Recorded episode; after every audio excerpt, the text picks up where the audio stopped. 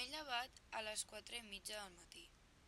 No em trobava gaire bé, ja que vinc cansat d'estar cada dia treballant tantes hores i quasi bé no puc dormir.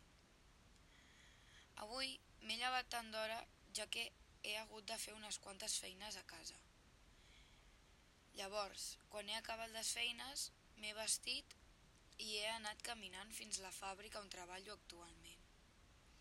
Un cop allà, he fitxat i he començat a engrasar les màquines, ja que és el meu treball i com cada dia l'he de fer. Avui ha vingut el director a avisar que com han de pujar les produccions, ens haurem de quedar hores extres, unes 16 hores en total. Òbviament, sense poder cobrar-les. Ja portava unes hores treballant i sentia que mai acabaria aquest sofriment.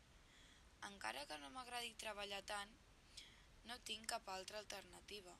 Si vull que la meva família surti endavant i pugui tenir alguna cosa de menjar al dia a dia. Un cop havia acabat de treballar, eren aproximadament les 9 del vespre.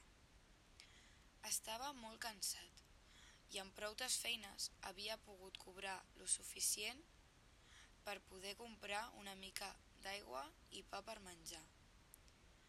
Vaig fer les feines de casa i vaig preparar-me per anar a dormir, com normalment faig. Quan vaig entrar al llit, gairebé eren les onze i mitja de la nit, així que no vaig tenir molt temps per descansar.